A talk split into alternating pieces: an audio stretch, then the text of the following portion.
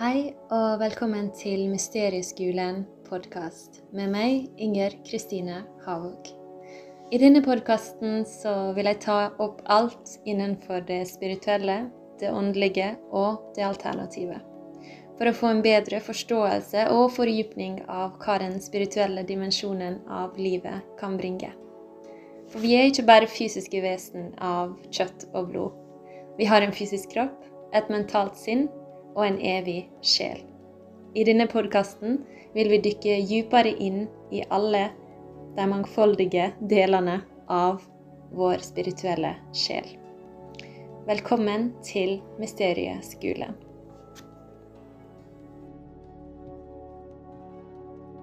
Ja, velkommen til en ny episode av Mysterieskolen podkast. I dag så har jeg fått en uh, helt spesiell gjest. Spesiell gjest? en unik og spesiell gjest. Ja, ja. Vi alle er unike. Vi alle er unike. Så det er faktisk Kishore Gajendra som er min gjest i dag. Han er også yogalærer og har drevet med yoga siden han var liten. Også vanlig lærer på videregående skole. Han er også vanlig lærer på videregående skole. Men student av livet. Student av livet. Livets student. Det er så sjukt rart å si at jeg er en lærer. For at, uh, jeg bruker å si til elevene mine at vi skal forske sammen. Jeg skal ikke lære dere noe.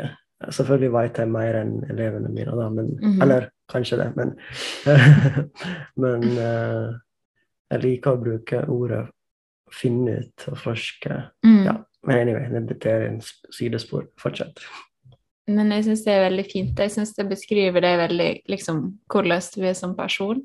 Mm. I hvert fall hvordan du er som person til verden. At du er veldig nysgjerrig og veldig åpen, og jeg tror det skaper veldig mye tillit i folk som møter deg, da. Og det har jeg sett veldig mye Mm. Etter å ha vært sammen med deg. Det må jeg jo si også, at jeg og Kishore er jo også, i tillegg til å drive med yoga, i tillegg til å være en lærer og være en student av livet, så er Kishore også kjæresten min. Og vi har vært sammen nå i nesten fem år. Ja, fire og et halvt år. Fire og et halvt år. Ja. Mm. Noe sånt. Men ja, det jeg skulle si, er at det er liksom veldig sann du er som person, og du skaper veldig mye tillit, tillit og åpenhet i folk rundt deg. Mm. Du er jo veldig, veldig sosial og kommer på en måte ganske nært inn på folk ganske fort, da. Eller jeg mm. i hvert fall merker at folk åpner seg ganske raskt til deg. Du, det er jo Det har jeg aldri tenkt over, faktisk. Mm. Men uh, jeg har hørt det ganske mye i det siste. Mm. Det siste ja, fire åra siden jeg flytta til Norge. Det er mange som sier at ja, det er lett å få kontakt med han, og han er hjelpsom og bla, bla. Mm. Og det er selvfølgelig veldig fint å høre. Da. Veldig fint at folk setter pris på meg. Men samtidig føler jeg at det er veldig, det er veldig lett å la det liksom gå inn i egoen, mm. hvis du forstår. Og, det er interessant. Så jeg, jeg prøver liksom å være takknemlig til at uh, folk har tillit på meg, men jeg tenk, tenker ikke liksom mer enn det. Uh, jeg tenker at det er fint. Mm. Og, og, for å være helt ærlig uh, Jeg har aldri liksom prøvd ordentlig for å liksom vise at jeg er en god person, eller Ja. Ja jeg bare er, da. Og så mm. er folk eh, Selvfølgelig, jeg jobber en del på meg, liksom, med meditasjon og yoga, og jeg, jeg dyrker liksom det indre en del, så jeg føler på en måte at jeg er egentlig litt tomt inne. Og det er fint, for at hvis man er Det er personlig mening. Hvis man er på en måte tomt inne, da kan et eller annet bevege inn i oss og treffe folk. Fordi hvis ikke er det Vi, vi, vi tror at å, det er bare meg. Det, ikke sant? det er en del ego, hvis du forstår. Mm. Så ja. Så er jeg takksom, selvfølgelig, når folk sier at ja, det, det, at jeg er et fint menneske, da. Så jeg er Mm. veldig takknemlig. Mm. Men that's it. Mm. Mm. Du er så søt. Men det er veldig sant. Jeg tror det er bare Det får aldri følelsen av at det er noe påtatt med deg heller, men heller at du bare er sånn som person, og så deler du av deg sjøl, og Mm.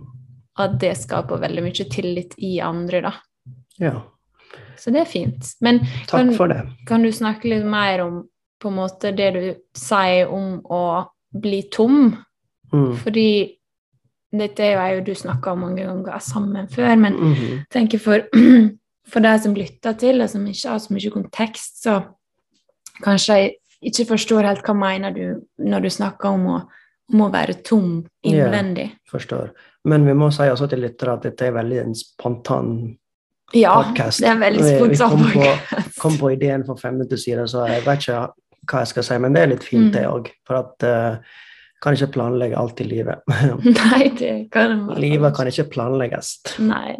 Nei, men uh, spørsmålet, ja, ikke sant? Å være tom inni uh, seg sjøl. nei, altså det er jo mye av yogaen for meg, da. Det, det er en veldig sånn risikabel topic å snakke om yoga, fordi alle har så masse ulike meninger. Men Mm. sånn som jeg ser det, det er ehm, observasjon for meg. Å, å observere uh, det indre og det ytre, og alt som er rundt det indre og ytre. Så når jeg, når jeg begynte jo med yoga-meditasjon ganske tidlig, og begynte å praktisere meditasjon da jeg var ganske ung, da. Så jeg begynte liksom å legge merke til alle de tinga som skjer inni hodet og kroppen og litt sånne ting. Og vi har så masse ting inni oss. Mm. Vi har så mye frykt og angst og, og sinnhet og ja, alt mulig. Og, og det positive og det negative. Så det er en del inni oss. Så jeg føler på en måte at det, det er det som er, uh, stopper deg opp for å oppleve noe mer. Så en må på en måte tomme ut alt som er inne, for å bli litt mer bevisst på det ekte, da. Det er veldig vanskelig å forklare, fordi en må bare Det er det som er forskjellen mellom det indiske tilnærming til yoga og andre tilnærminger, fordi eh, du, du spør om spørsmål som er egentlig vanskelig å svare med ord, Mm. men jeg kan på en måte vise et par små meditasjonsøvelser, slik at du kan prøve sjøl og finne Mm. ut sjøl. Fordi jeg liker ikke det systemet at folk gir svar. Det er på en måte intellectual, ikke sant? Mm. Um, ja. Så jeg vet ikke om det var svar på spørsmålet, men det, det er jo Jeg syns det er et fint svar. jeg. ja, det er jo observere, observere, observere. Og dess mer en observerer, dess mer en blir bevisst på liksom alt som skjer i Alle de små tinga eh, som skjer i hodet. Og skaper på en måte en avstand mellom tankene og det som er det vi sier i India, da, det ekte eller det indre, eller kall det hva du vil. Mm. Og, og en må virkelig, virkelig uh, prøve, ikke sant? Man må være interessert og prøve å observere hvor mye sinne og det vi har lært gjennom ø, årene vi har levd, påvirker eh, å oppleve det indre. Man må observere det òg. Hver gang jeg opplever et eller annet fint, og at det er helt tom, og så sinnet kommer plutselig og sier at ja, men hva er det for noe? Mm. Uh, og det er ikke sant? Sinnet den er jo skapt på en måte for å sette ord på ting og det logistiske delen av hjernen. ikke sant? Så en må observere det òg. Mm. Så nå skal jeg ikke sitte og snakke som ekspert, fordi jeg er jo ikke en ekspert på noen ting. Det er det jeg sier til elevene mine også på skolen, at vi kan forske sammen. Og det jeg sier til yogastudentene mine, eller yogaelevene mine, eller kall, ikke sant? at vi skal finne ut sammen. Altså, det, det, det er det jeg mener. Mm. Ja, nå, ja, jeg vet ikke om, jeg, om det var et svar. Det sa et fint svar. Jeg tenker at Mm. det er litt fint at du tar det opp, for en av de tingene som jeg hadde tenkt vi kunne snakke om i en podkast, er jo nettopp forskjellen mellom det vestlige perspektivet og det indiske perspektivet på Mm. Hva er yoga. Mm. Ja, for når jeg flytta til Norge, så hadde jeg husker jeg hadde den første yogaundervisning. det var på en måte deltidsjobb for meg, og det var en fin måte å bli kjent med lokale folk. Mm. Jeg husker at folk Jeg var litt uh, uh, Hva vil jeg si, da? Jeg var litt overraska over hvor mye de forventa fra meg. Mhm. Fordi jeg brukte den veldig sånn klassisk indisk stil, veldig rolig bevegelser og, og meditasjon innimellom og pusting og litt sånne ting. Og det er jo vanlig nå i Norge òg, men det var litt spesielt måten jeg, jeg, gjør det. Og de hadde en forventning at ting skal skje, ting skal skje, ting skal skje. Mm. Så um, jeg, synes, jeg, jeg liker ikke å skille det Vesten og Østen, fordi det er så mye prat om Vesten og Østen, og jeg vet at jeg har sagt det sjøl mange ganger. Men samtidig, det er noe forskjell, ikke sant? Det må Jeg ser det. Mm. Og Hva er forskjellene du ser, da? nei, måten vi er innstilt å se på yoga Mm. Fordi Kan du nevne et konkret eksempel? Ja, eh, ikke sant? Eh, I India, altså måten jeg lærte yoga gjennom yogaskolen min, det var rett og slett å bruke kroppen og sinnet og alt for å bli kjent med noe mer inni oss. Og det er krevende, og det er ikke en filosofi, det er ikke en religion, det, det er ikke liksom en kalt eller ingenting.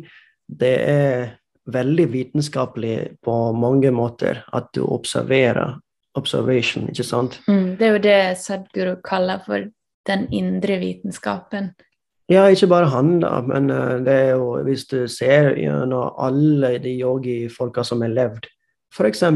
Gautama Buddha, ikke sant? For at eh, jeg nevner han fordi han er veldig kjent i hele verden. Da. Ja, da er det Buddha du Ja. snakker om. Ja, Gautama. Altså ja. den Buddha Ja, den Mm. han, ja. fra buddhismen nå. Ja. Mm. Og det er akkurat samme som hvis du følger hans sin metode. Det er ren observasjon av eh, awareness, ikke Mm. sant? Ja, av Eh, bevissthet, kan du si. Bevissthet, ja. Og det er jo litt interessant, fordi hvis en ser på ordet observasjon, da, for mange så kan det kanskje kjennes litt sånn flytende ut i forhold til vårt eget sinn, Mm. men i forhold til at yoga og meditasjon er en indre vitenskap, Mm. så er det jo akkurat det samme de gjør i ytre vitenskap. Det er jo observasjon først, Mm. og så legge merke til hva er det vi ser i observasjonene våre. Definitivt. Så Mm. der er det jo også Jeg tenker i hvert fall hvis det er noen som hører på, som har en, en logisk hjerne, først og Mm. fremst, en logisk Mm. måte å tenke på, så er det jo ganske sånn eh, paralleller å trekke der, da. Ja, ikke sant. Uh, veldig fint sagt. Og så jeg føler rett og slett at folk mangler eller sav- savner en kontekst her. Mm. Ikke sant? Når du spør meg hva som er forskjellen mellom Østen og Vesten eh, tilnærming til yogaen Jeg kan jo si så masse, egentlig, men jeg er litt skeptisk til å si så masse, fordi uh, det, det skal høres ut som gresk eller kinesisk til folk. ja. Ikke sant? Ja, Det er jo ofte sånn når en jobber med yoga eller meditasjon og sånn også, en begynner å snakke om disse tingene. Snakke om bevissthet, snakke om å være til stede, snakke Mm, om å være i mm. nået, og liksom Folk, liksom- Folk spør 'what the fuck'? Ja, rett og slett. Folk What the fuck? ja. Nei, ikke sant? Eh, nei, det, det, folk eh, trenger kontekst. Mm. Ikke sant? Og det er det som er litt krevende, fordi en, en yogalærer må sjøl forstå hva som er konteksten. Sånn som jeg ser det, eh, nå skal jeg være litt kritisk, da, og det må være lov. Ja, det må være lov. for, jeg, for, på, jeg føler at folk har plukka opp ting fra India som passer liksom den vestlige kultur. Mm. Derfor er det fysisk yogaen så populært, så svært populært. Fordi, å ja, det, ikke sant, det er jo relatable. Hva, hvordan kan jeg si det? Ja, en kan relatere. Ja, en kan relatere, ikke sant? Og, Eller mange er opptatt av trening og tenker at det er jo fint å trene, og Ja, det er bra, og det er nyttig, og Absolutt, det er bra å trene, og det er kjempebra for sinnet og kroppen og alt. Det er jo vitenskapelig bevisst, liksom. Uh, men jeg sier at det er noe mer. Eh, og når jeg sier noe mer, skal, det, det betyr ikke at vi skal løpe og finne den. Det, det handler ikke om å være Usain Bolt og løpe liksom fort og fortere enn andre. ikke sant? Så akkurat sånne tanker må vi slippe. ikke sant? Fordi når du gjør, gjør en yogaserie, ikke sant? neste øvelse, neste øvelse, neste øvelse, neste øvelse, neste serie, neste serie, neste serie. Og, og så er kroppen 50 år gammel, og så kan du ikke gjøre en Ikke sant? Så det, det, er jo, det er jo en Jeg føler at nå skal jeg ikke sant, nå skal jeg ikke altfor kritisk, da, men det er på en måte en litt vestlig Ja. ting jeg har observert, at folk vil ha det neste og mer og mer. ikke Mm. sant? Og det er jo samme i India. ikke sant? Vi er ikke liksom så langt fra Vesten vi gjelder. Nå er vi blitt ganske amerikanske i India. Ser på amerikansk TV og alt. ikke sant? Men anyway, så jeg føler på en måte at det er det som er viktig. Å gi folk en kontekst, og kontekst av hvorfor vi gjør det vi gjør. Og så tar det veldig gradvis, fordi jeg ser at mange yogalærere og yogafolk sier så masse ting om indiske filosofi, og de plukker ut ting fra Bhagavad Gita eller fra Yoga Sutras eller ikke sant? Mhm. Jeg har sjøl ikke lest Bhagavad Gita. Jeg har sjøl ikke lest Yoga Sutras. Hvorfor? Vil du, vil du vite hvorfor? ja. Fordi det var aldri en anbefaling fra yogalæreren min, Mm. eller hele skolen. Fordi vi var ute i skogen, og oppgaven vår, var å observere lydene i naturen. Observere hvordan ting fungerer i naturen. Og på samme måten vi observerte naturen ute, måtte vi observere den indre naturen. Den indre naturen. Den indre naturen er fantastisk. Mm. Så vakkert og så ugjendelig vakkert. Mm. Samme som det ytre. Mm. Så jeg har ikke lest Bhagavad Gita, og jeg er ikke interessert i å lese fordi det, det skal påvirke måten jeg tenker, tenker ikke sant? Det, det skal påvirke på en måte eh, nå, La oss si at jeg begynner å oppleve et eller annet fint inni meg. Hjernen min skal plutselig si at å, det er Krishna som sa det, det er Bhagavad Gita som sier det, eller det er uh, Yoga Sutra som sier det, eller et eller annet yogabok. Og det er uinteressant for meg. Jeg respekterer selvfølgelig ikke sant? Dagbladet, det er en veldig flott bok. Jeg, hører det fra deg og andre. Mm. Men Det er en stor del av den indiske kulturen. Altså, ja, det er det. Men du jeg, vet det sikkert bedre enn meg, men jeg kan vel tenke meg at det jo da, men det er jo det. Men eh, samtidig her i India jeg, at, jeg føler at vi, begynner, vi, vi, vi glemmer egentlig at indiske kulturer handler om å utforske livet, ikke liksom tro på noen ting. Fordi eh, jeg var så heldig på den måten at jeg hadde en fantastisk mor og far Mm. um, som aldri tvunget oss til å tro på ting. Så vi prøvde å utforske, finne ut og finne ut. Men er ikke det også en veldig sånn del av Og nå jeg må bare preface by saying at jeg er Mm. ikke noen ekspert på religion, men slik Mm. som jeg har oppfatta det, er ikke det en veldig Mm, del av måte hinduismen, også når jeg har besøkt India, mm, at det er veldig åpent for andre ting. At Mm. det er ikke en type religion eller måte å leve på som er så veldig opptatt av at fordi jeg tror på skiva, så må du gjøre det også. mm, mm. Eller hvordan opplever du det?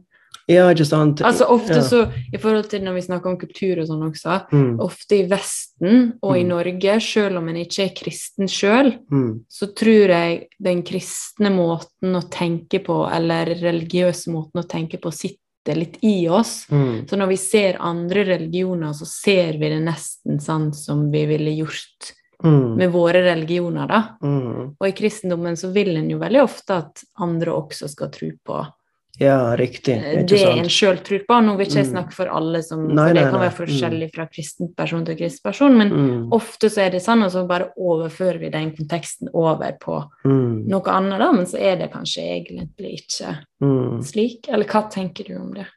Jeg syns det er veldig farlig for å overtale noen andre til å tro på ting. Og jeg, jeg gjør ikke det på yoga heller. Nei, nei. Jeg sier bare kom og prøv, Mm, og vi skal utforske sammen mm, og finne ut sammen mm. om det, om det, skal, om det gir noe glede eller noe Ikke sant? Ja.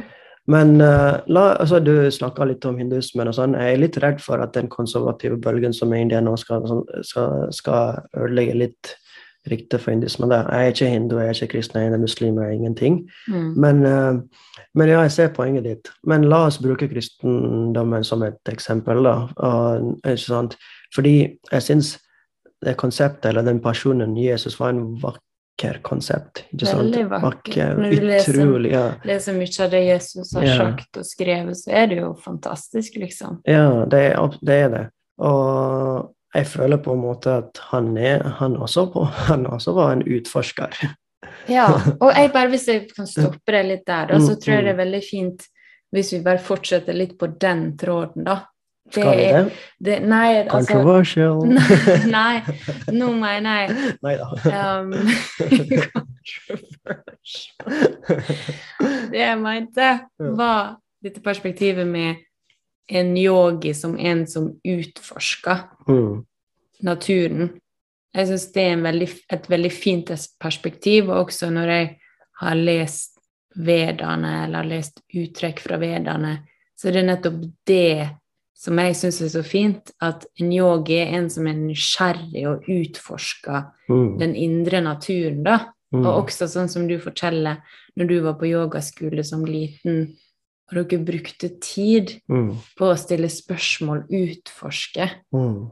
um, yeah. og søke, da. Mhm. Hva- Og jeg tenker jo også å drive med yoga er jo på en måte en forlengelse av naturen. Mm. En forlengelse av hvem er jeg i kontakt med naturen, hvem er jeg i min kropp som en del av resten av naturen. Mm. Så hva tenker du om det? Ja. Det er helt sant. Eh, jeg husker når jeg var liten, jeg ble fortalt om en yogi Mm. som er fra Sør-India. Og vi i sør er veldig stolt av eh, Sørlandet, holdt jeg på å si. Det er jo et fantastisk fint sted. Mm. Bangalore, som du er fra. Ja, og eh, ikke sant, jeg var så heldig når jeg vokste opp, fordi jeg vokste opp med en mor som var fra en annen stat, eller hun vokste opp der òg, men hun snakka et annet språk, og så faren, som, faren snakka et annet språk. Og så hadde vi slektninger i Tamil Nadu og overalt, egentlig, så jeg kunne jo flere språk da. Og grunnen til at jeg sier det, det er, det er relevant til historien. Så jeg ble fortalt om en eh, yogi i Sør-India som sa ikke en eneste ord Mm. når han levde. Så hvordan kan han overtale noen til å tro på ting når han ikke sa et eneste ord? Han, han, han var ikke ute og, øh, og han reiste ikke var, vara rundt for å liksom snakke om yoga og overtale folk til å praktisere yoga. Han bare var der. Og så var han i meditasjon, og folk dro til han, satt rundt han og var stille. Det var det. Og så ble jeg veldig nysgjerrig og dro dit når jeg var 17-18, jeg husker ikke nå, men sammen med bestekompisen min. Og jeg husker at hele stedet var Det var, var helt spesielt, den stemninga. Og selvfølgelig er det litt eksotisk òg, fordi vi eh, Så exotifying, det kan også være en del. En del. Ser du, nå, nå kommer jeg med liksom argumenter for hva det kan være. anyway, vi skal bare snakke fra hjertet nå, da, og ikke blande inn så masse eh, kan, Ja, ikke sant. Det var utrolig vakkert, det stedet der. Tiruvannamalai heter det stedet. ok? Og så, Der er et fjell. For oss i India er fjell og natur hellig. Så altså, jeg gikk nært fjellet, og det var en veldig spesiell stemning. Og så tenkte jeg hva som er forskjellen mellom det stedet og det indre. Er jo skapt av de samme ingredienser som jeg sier at det er spesielt. Mm. Så jeg tror folk drar rundt hele verden rundt for å finne et eller annet, og glemmer liksom å dyrke det indre. Hvis du har lest boka 'Alchemist' Jeg leste den da jeg var ti år eller noe. Og det er en fantastisk bok, ikke sant? En må jo dyrke det indre. Folk er så ute etter å finne steder ute, ikke sant? Og glemmer at det viktigste det ligger inni oss. Mm. Så, så ja, den eh, Bare å være der i Tiruvannamalai og observere hvorfor jeg er her, og hva- hva søker jeg egentlig her. da. Det er selvfølgelig vakkert, og jeg følte en stemning. Så plutselig oppdager jeg at dette fins i oss òg, og det må dyrkes. Og det er kanskje krevende for noen. Og det er det som er litt vanskelig å si, fordi det er ikke oppskrift. og jeg kan ikke liksom, Det er ikke liksom eh, manus du, kan følge og så oppleve akkurat samme som jeg gjør det. Fordi vi er alle så ulike. Mm. Not even two leaves on a tree is identical. Så hvordan kan du og meg følge samme oppskrifter og ha samme resultater, liksom? Så en må jo eh, bruke de metodene vi har i yogaverdenen, eller andre eh, ja, ikke sant, kulturer. Det er ikke liksom kun yoga. Uh, og finne ut sjøl, men en må investere tid, Mm. og ha, en må ha lyst. Og så må en ha utrolig sterk nysgjerrighet, Og tålmodighet. tålmodighet. Men det tenker jeg også sånn Mm. Tror det er veldig mange som er nysgjerrig på yoga og meditasjon, og som har hørt at det kan ha mange gode Mm. fordeler, Mm. men så prøver en kanskje én eller to klasser, og så føler en at å, det er ukomfortabelt å sitte, eller Mm. det er litt kjedelig, eller Mm. jeg får det ikke til, eller Mm. Så jeg hørte noen som sa at du må hvert prøve jevnlig, kanskje tre måneder, Mm. og så kan du si etter de tre månedene, da, Mm. om det er noe for deg eller ikke. Mm. Um, og det er ikke på en streng måte, eller noe sånt, men jeg er også jeg, jeg er enig i det at en, en må gi det tid, da. Mm. Husker første gangen jeg mediterte, så forsto jeg ingenting. Jeg holdt på å le meg i hjel. Jeg var jo 19 år og liksom Mm. tenkte hæ, hva er det her for noe? Ja, ja, jeg forstår. Så, og så tenkte jeg også å spørre deg, for jeg tror igjen at måten vi snakker på det på Vi har jo disse samtalene hele tida om liksom spiritualitet og meditasjon, og Mm. det er jo en stor del av våre samtaler og hvordan vi er med hverandre. Men for en person som ikke har noe kontekst Mm. om det her, Mm. hvor tenker du er en plass en kan starte, da? Ja, først, Sånn rent praktisk? forstår. Først og fremst må vi droppe den hele tanken at meditasjon er noe du må gjøre. Mm. Ok? Og la meg forklare hvorfor jeg sier det. Jo, selvfølgelig skal du sitte eller, og, eller ja, sitte og være stille og observere, men meditasjon er eventuelt en kvalitet du dyrker inn i deg sjøl, som du kan bringe til alle andre deler av livet. Og hvordan er den kvaliteten annerledes enn Mm. å i hermetegn leve normalt? Hvordan, hvordan er den forskjellen? Hvis du vasker gulvet, være bevisst og fokusere på det du gjør. Det er meditasjon. Hvis du står på ski, sånn som jeg gjør, Mm. da må du være i fokus, Mm. og du må nyte det øyeblikket. Og jeg kan si det samme om alt, alt alle kunstformer, alle jobber, ikke sant. Så den bevisstheten, det er det som er viktig. Og i meditasjonen, i en tradisjonell meditasjon, da, når vi sitter på gulvet og lukker øynene, det er kjempeviktig å starte slik, fordi da ser du hvor masse tankene beveger seg, hvor, hvor mye uro det er i kroppen, og uh, hvor mye vi springer rundt for å Vi, vi er så opptatt av å uh, springe vekk fra å være stille. Hvorfor det, liksom? Mm. Hva, som, hva springer vi ut fra? Ikke løpe vi ut fra? Eller- Men, Mm. men et oppfølgingsspørsmål, da. mm. Si at jeg hadde vært en person som aldri har gjort Mm. meditasjon før. Jeg kommer på meditasjonsklasse med deg, Mm. og du Mm. instruerer en ti minutts meditasjon, og så Mm. etterpå så reiser jeg meg opp og er litt sånn irritert og Mm. Og det her var ikke noe for meg, det var kjempevondt å sitte og bare Fikk ikke til å meditere og Mm. og liksom var sann med det. Da, hva hadde du sagt til meg da? Veldig interessant at du sier det, fordi det kan skje. Det kan skje at folk opplever masse emotions, masse liksom Alt mulig følelser. Og det er skjedd.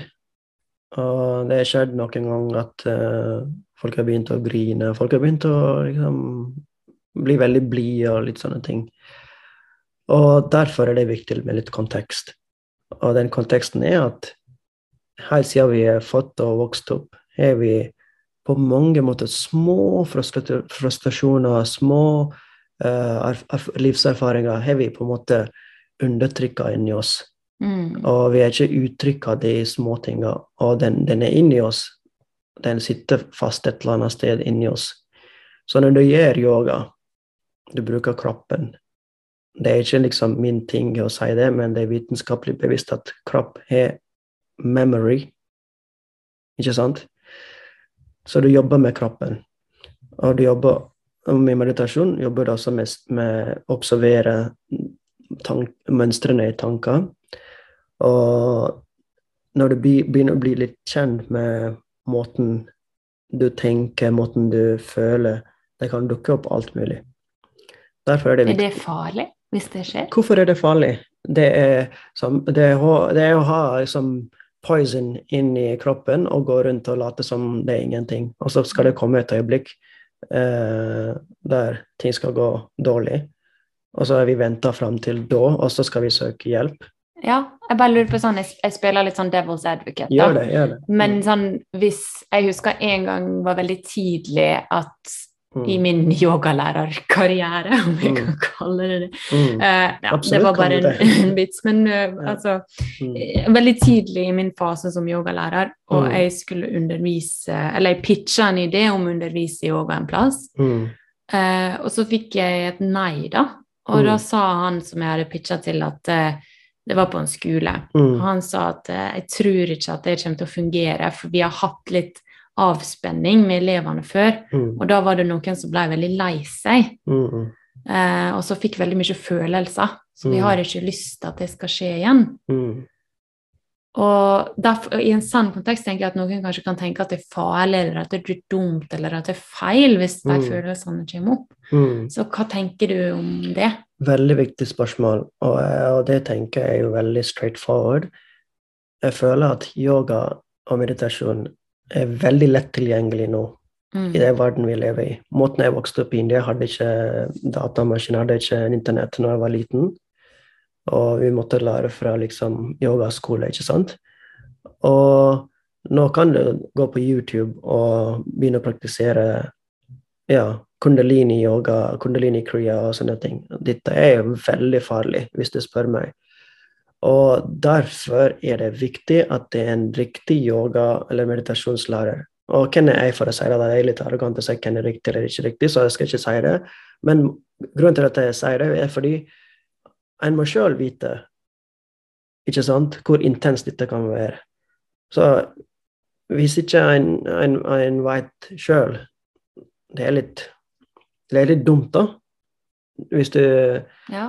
Uh, Kan jeg jeg- komme med et litt annet perspektiv? Ja. Eller holdt du på Nei, altså, jeg burde tenke på litt eksempler, men, men derfor er det viktig at yogalærere tar tar det gradvis. mm. Og vi er Er alltid, ja, alltid ute etter liksom det tiende steg. Nei, Mm. begynne på første, bruk tida på det første. Mm. Og før det første, begynne å forstå konteksten. Fordi eh, en må ha kontekst, og så en må bruke ganske mye tid på den første trinn eller steg eller whatever. Og bruke tid der, rett og slett. Um, og en meditasjonslærer skal på en måte demystify hva meditasjon er, ikke sant? Og folk tror at det er mystisk å meditere og sitte på en fjelltopp og være stille. Nei, Det er egentlig veldig naturlig. ja, det er naturlig, absolutt. Derfor er det viktig, viktig for oss som yoga- og meditasjonslærere for å gi kontekst og forenkle meditasjon og gå gradvis, og ikke selge liksom å, det skal være fantastisk hvis du skal gjøre meditasjon. ikke sant? Nei, det skal være krevende, kanskje. Det skal være fint, kanskje. Eller det skal være, du skal være- litt urolig. Men eh, det er viktig fordi du observerer deg sjøl og måten tankene beveger seg, og forstår det kroppen, det ytre og det indre. Så det Jeg vet ikke, det er vanskelig å forklare. Jeg har lite ord på en norsk, og da du må jo forstå ja, det òg. Ja. Anyway. Du må bare bruke litt tid hvis du føler at du trenger litt tid. Ja, ja. Men eh, jeg håper du forsto Jeg forstår veldig godt hva du mener. Ja.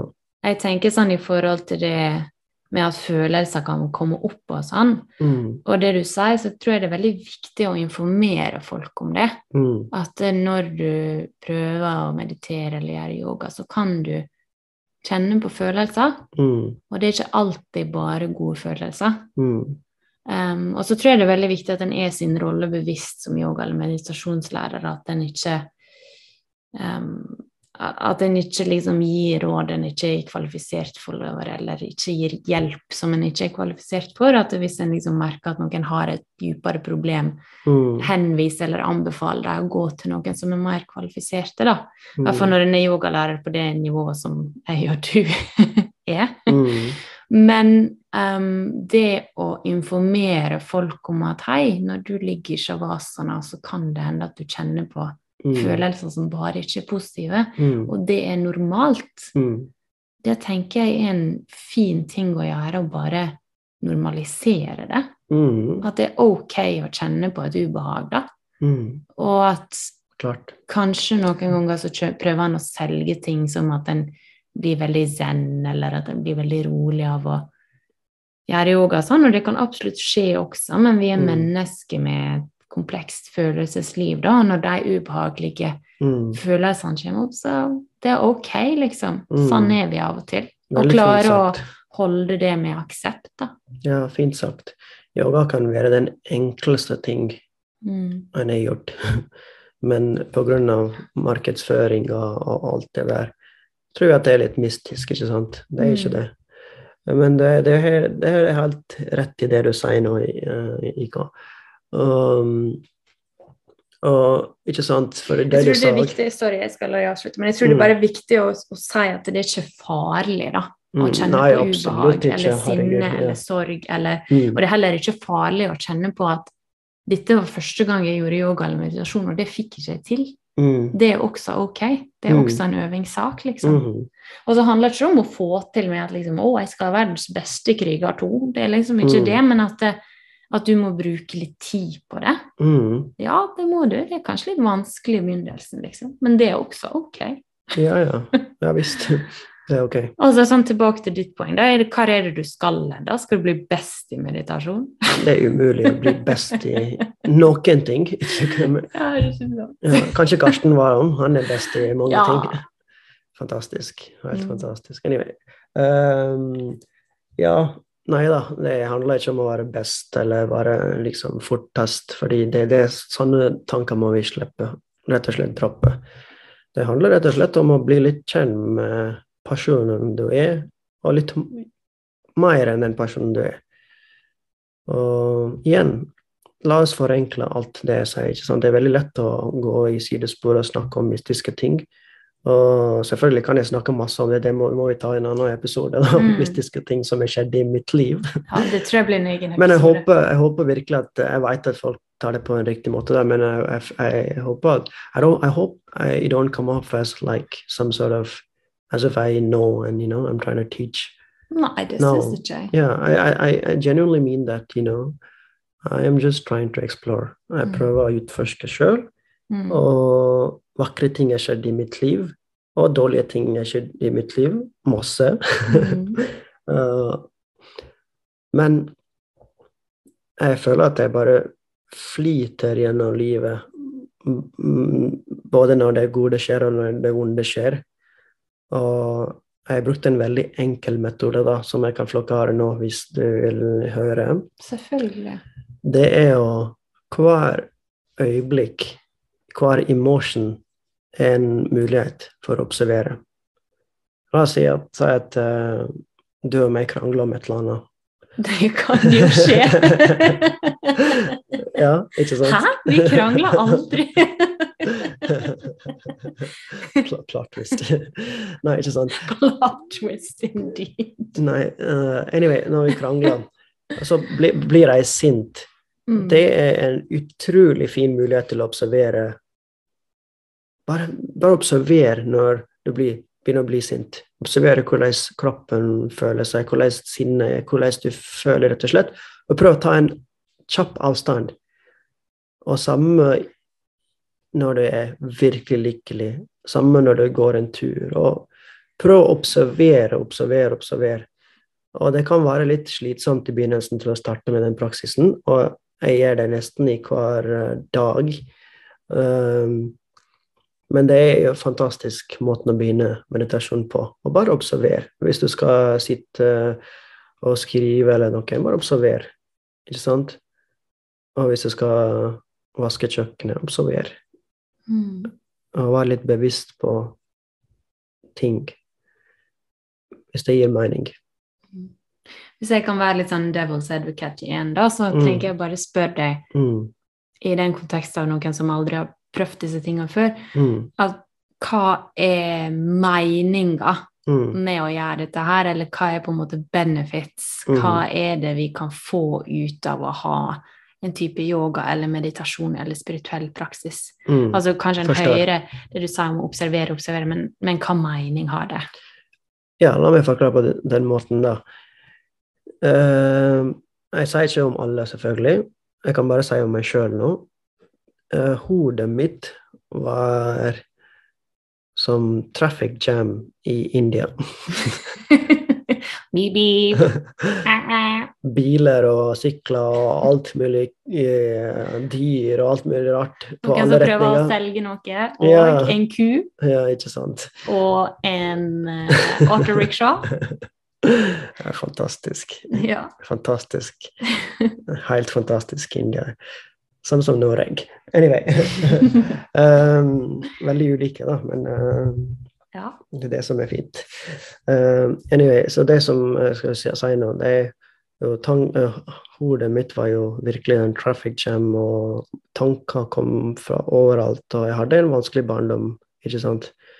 Uh, og å observere betyr å legge merke til først. Legge merke til tankene. Hvor masse tanker du har i et øyeblikk. Hvor masse tankene som kommer, og fra hva retning de kommer, og hvorfor de kommer. Observer. Og når du observerer de tankene, det er litt overveldende at det er så masse som skjer. Og, men har vi stillhet, da, hvis det er så mye tanker?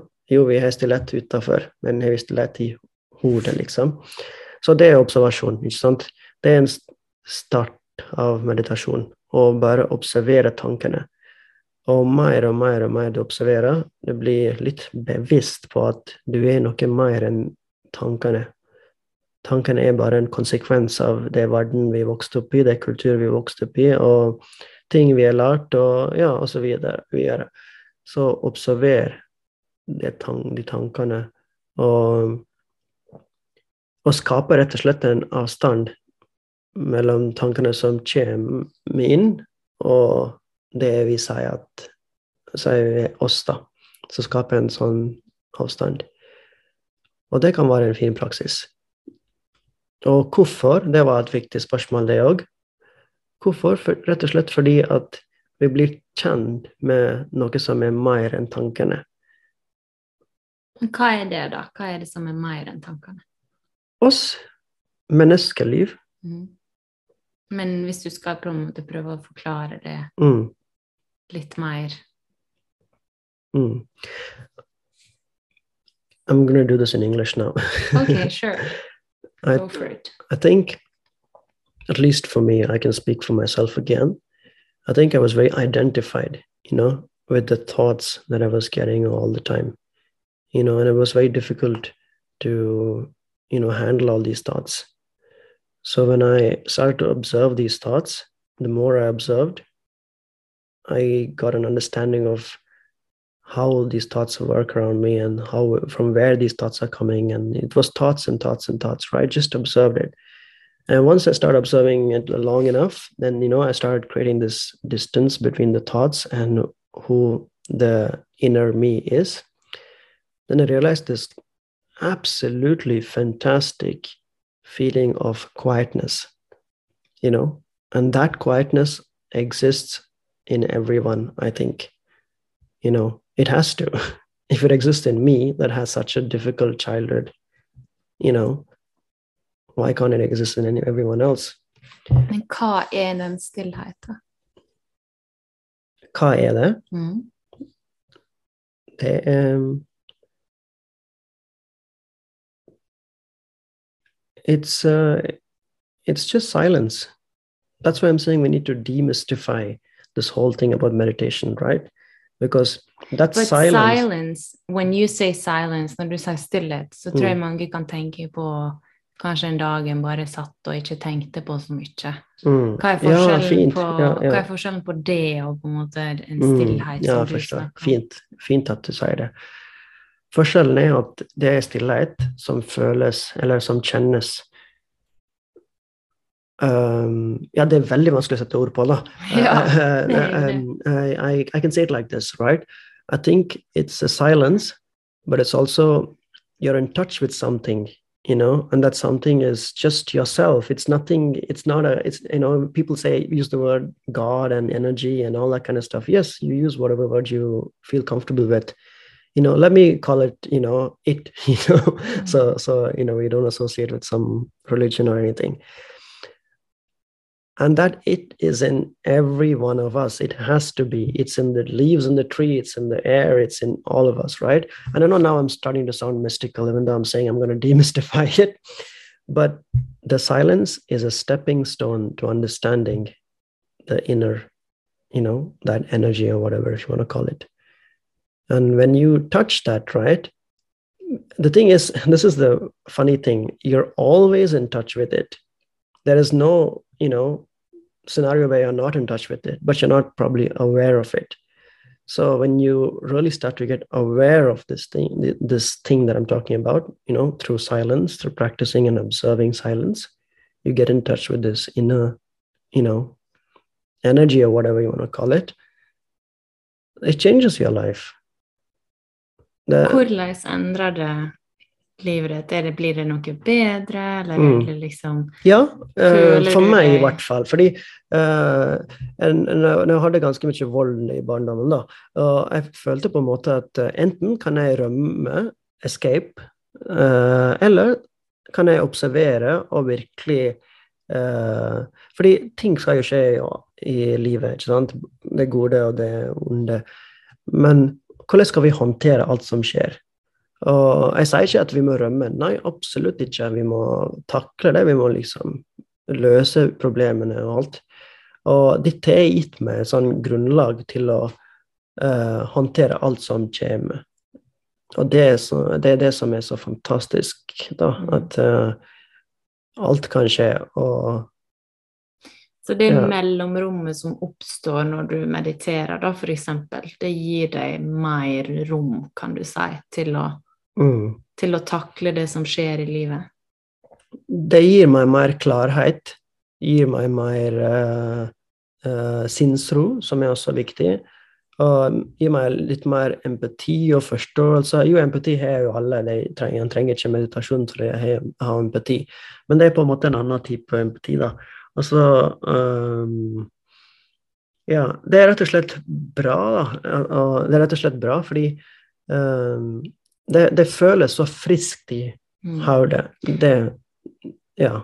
Jeg liker ofte å sammenligne det litt som hvis en har vært veldig forelska, Mm. eller en har følt en veldig djup em, verdsettelse av noe, eller en mm. kanskje har vært med barn eller dyr eh, og, og følt den ekte gleda som er der, da.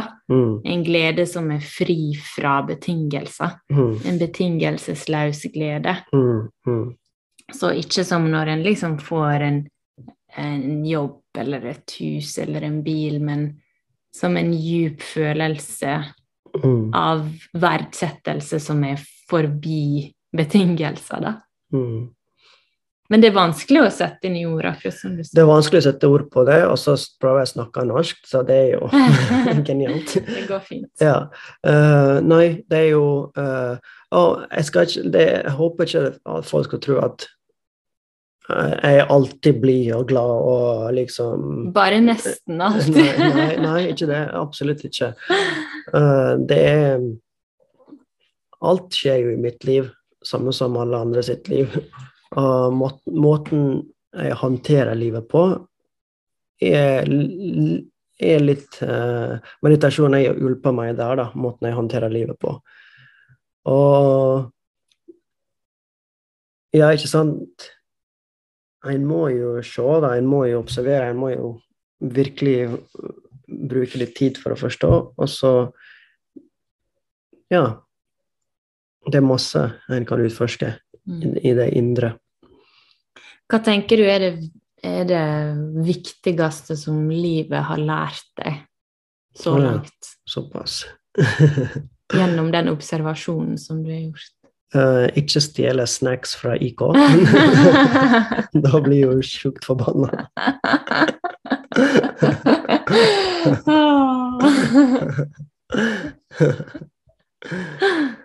Eh, eller ikke kall søstera mi uh, Ikke si til søstera mi at hun er blitt litt uh, uh, Nei. Nei, det får du ikke si. Litt feit? Nei da. Du må ikke si det. Nei, det er så mi elsker henne. Ja. Bare, bare, det var indisk måten å Når indere mobber, mobber noen andre, det betyr at vi liker, liker, liker dem. Ja. Anyway, nei da, hva har jeg lært gjennom livet? Nei, jeg veit ikke. Livet er så mysterisk og så vakkert. Og jeg, jo- jeg, er jeg vet ikke, jeg er veldig heldig, da. Jeg har møtt så mange fantastiske mennesker, i hele mitt liv. Og jeg fortsetter å møte så fine mennesker her i Norge.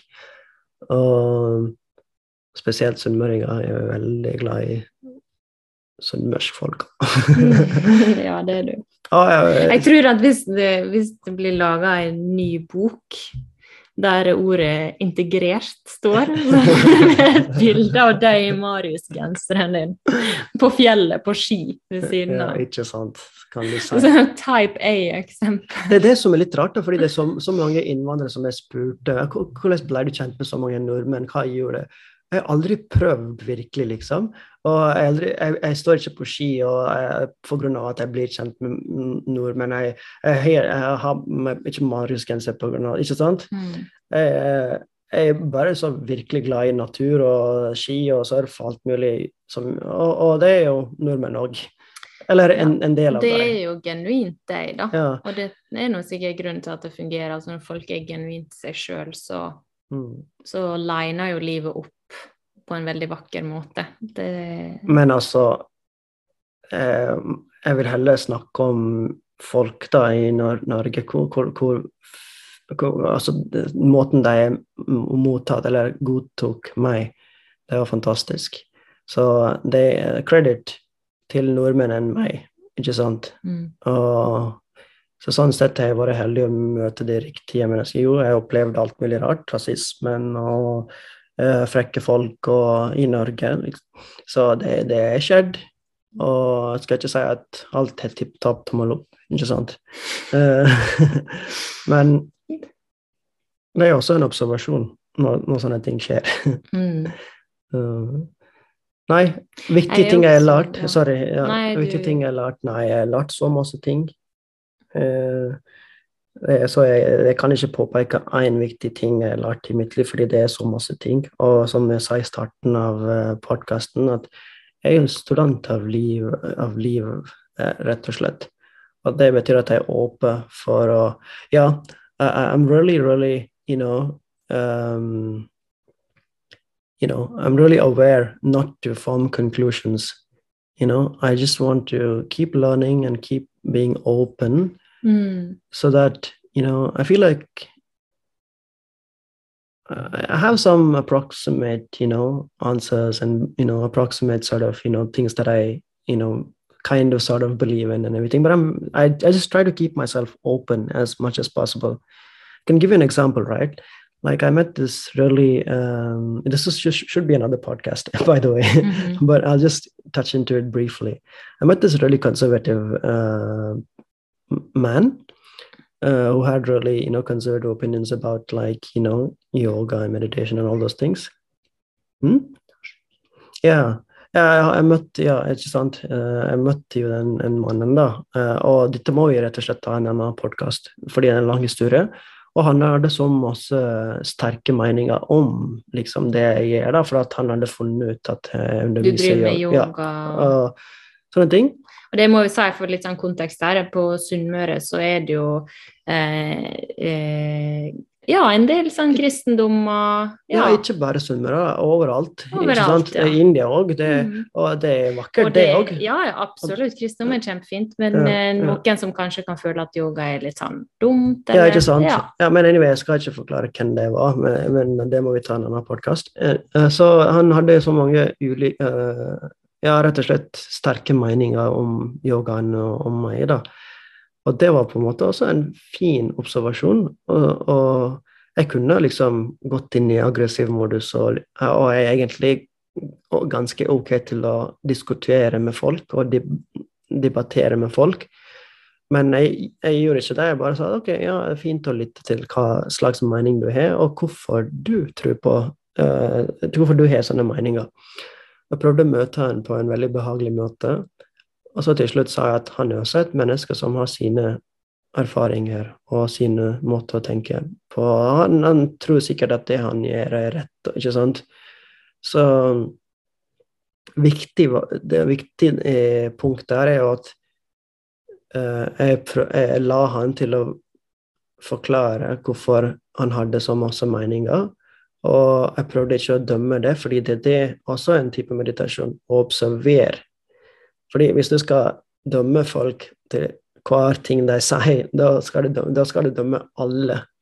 Ikke sant? Er fryktelig slitsomt å leve sånn. Ja. Heller observer.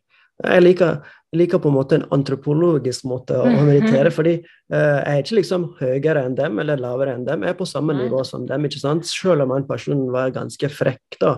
Jeg bare tenkte ok, la meg observere det mennesket. Hvorfor sier han det han sier? Og hvorfor er han, så intens og passionate og liksom ville Mhm. liksom overtale meg til noen andre eh, religioner og sånne ting. Og bare, jeg syns det, det var en fin observasjon, rett og slett. Så sånne ting, da. Eh, hver øyeblikk og hver menneske du møter, og hver ting du gjør, det er en mulighet til å observere litt. Mm. Ja. Ja, det er helt sant. Og jeg Mm. tenker at